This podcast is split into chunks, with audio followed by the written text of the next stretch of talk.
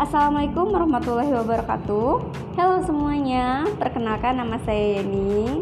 Di episode kali ini saya akan menjelaskan mengenai faktor yang mempengaruhi penyelesaian diri. Nah, pernah nggak sih teman-teman di sini menyadari bahwa penyesuaian diri itu ada faktor-faktornya loh? Nah, ini dia faktor-faktor yang mempengaruhi penyesuaian diri ya. Yang pertama itu keadaan fisik keadaan fisik itu merupakan awal ya. Awal kalau misalkan kita bertemu dengan seseorang itu penyesuaian dirinya itu sangat berpengaruh atau mempengaruhi.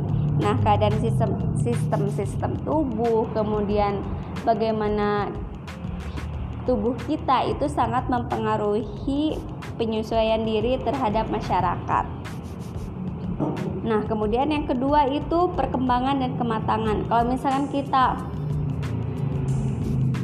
berbeda-beda juga ya, kalau misalkan kita bertemu dengan seseorang itu pasti sifat-sifatnya itu berbeda-beda juga. Kalau misalkan perkembangan dan kematangannya itu sudah mulai mengerti sifat-sifat dan uh, sikap sikap sifat itu berbeda-beda semua orang maka orang itu akan mengerti bahwa orang yang dijumpainya sifatnya atau sikapnya seperti ini gitu ya.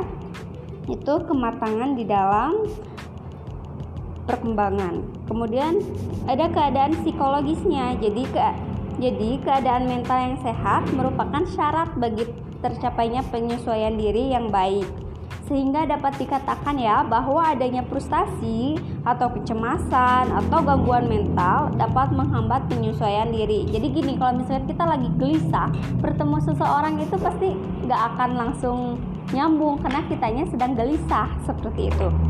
Kemudian keadaan lingkungan, keadaan lingkungan yang baik, damai, tentram, aman, penuh penerimaan dan pengertian, serta mampu memberikan perlindungan kepada anggota-anggotanya merupakan lingkungan yang akan memperlancar proses penyesuaian diri.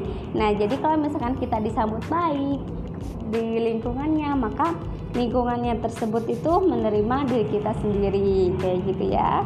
Kemudian tingkat religius dan kebudayaan. Religiulitas memberikan nilai dan keyakinan sehingga individu memiliki arti, tujuan, dan stabilitas hidup yang diperlukan untuk menghadapi tuntutan dan perubahan yang terjadi dalam hidupnya. Nah, kemudian kebudayaan juga pada suatu masyarakat itu berbeda-beda kan ya. Ada masyarakat kebudayaannya ini, kemudian masyarakat yang satunya lagi budayanya ini. Nah, kalau misalkan kita tidak mampu atau kita kurang kurang cermat dalam masuk ke dalam masyarakat tersebut atau bahkan kita tidak tahu kebudayaannya tersebut maka diri kita dan masyarakat itu tidak sinkron. Jadi kita harus mengetahui dulu e, budayanya tingkat religiulitasnya seperti apa. Nah kayak gitu ya. Jadi faktor-faktor tersebut itu harus ada di dalam diri kita untuk menyesuaikan kita kepada masyarakat. Nah,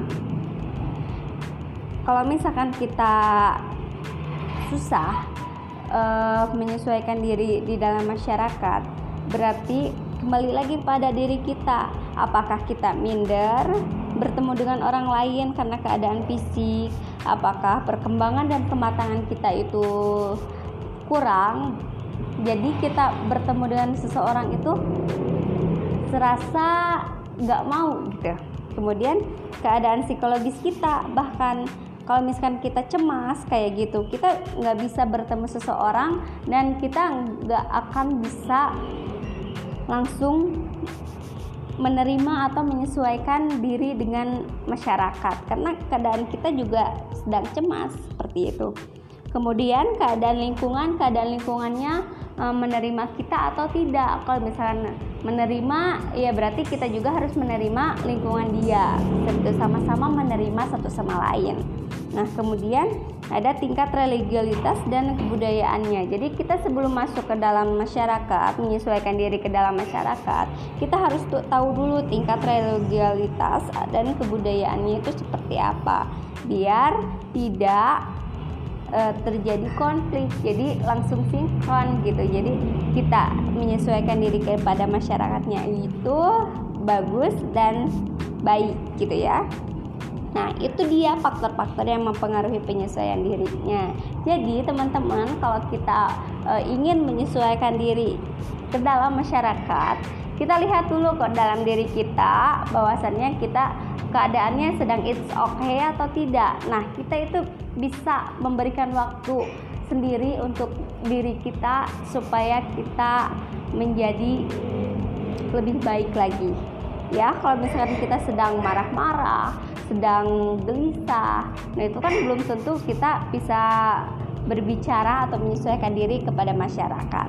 It's okay teman-teman. Kalau misalkan kita sedang gelisah, kalau kita misalkan sedang marah-marah, itu kita bisa berikan waktu yang terbaik untuk diri supaya diri kita tenang. Segitu, bye bye.